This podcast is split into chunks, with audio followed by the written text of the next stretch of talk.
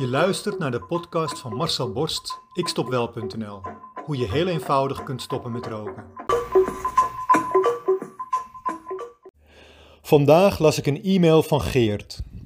Hij vergelijkt stoppen met roken met ervaringen die hij als ouder vaker heeft gehad. Ik ben zelf 100% geen vader. Maar wel iemand met tientallen neven en nichten in de familie, dus ik begrijp Geert onmiddellijk. Jij ook? Geert schreef: Stoppen met roken op wilskracht is net als je kind dat naar je toe komt en vraagt om een snoepje. Of sterker nog, je puberdochter voor een nieuwe smartphone.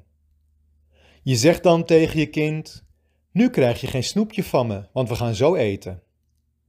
Hiermee is het probleem echter niet opgelost. Want na het eten komt je kind opnieuw vragen en begint het zelfs een beetje te zeuren. Ook dit kan ik nog weerstaan.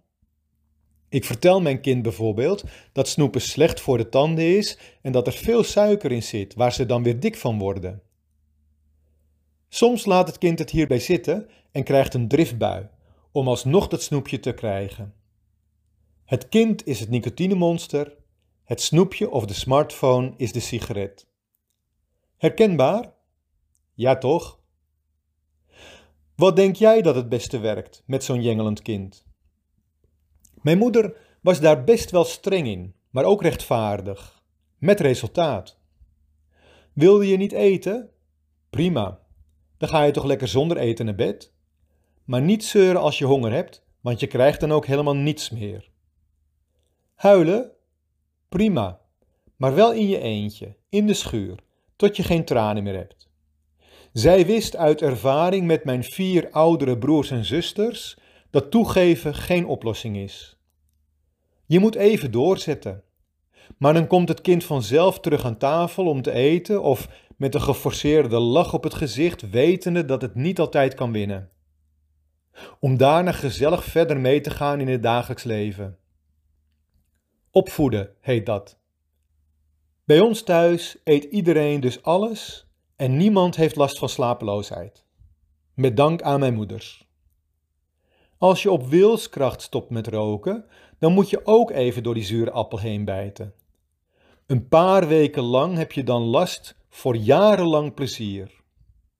Laat dat nicotinekind maar huilen. Laat het maar jengelen. Gewoon niet reageren. Gewoon negeren. Ook al is het moeilijk ook al doet het pijn aan je moeder of vaderhart.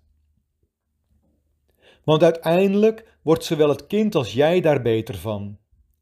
Uiteindelijk is er een win-win situatie. Doe je dat niet, dan delf jij het onderspit. Dan ga jij eraan onderdoor. Letterlijk. Moeilijk? Nee hoor. Je kunt ook gewoon meedoen met mijn online programma.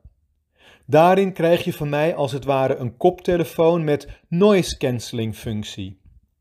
Zodat je bijna niets meer meekrijgt van het gejengel en het gekrijs van het nicotinemonster. Misschien nog een heel klein beetje op de achtergrond, maar dat is heel goed te doen. Want na een paar dagen is het stil. Doodstil. Als jij dan de koptelefoon weer afzet, dan ben je gewoon een niet-roker. Geen gedachte en geen behoefte meer aan een sigaret. Binnen twee weken. Hoe cool is dat? Wil jij ook stoppen met roken? Wil jij jouw rokende collega's van het roken afhelpen? Kijk dan op mijn website ikstopwel.nl en neem contact met mij op.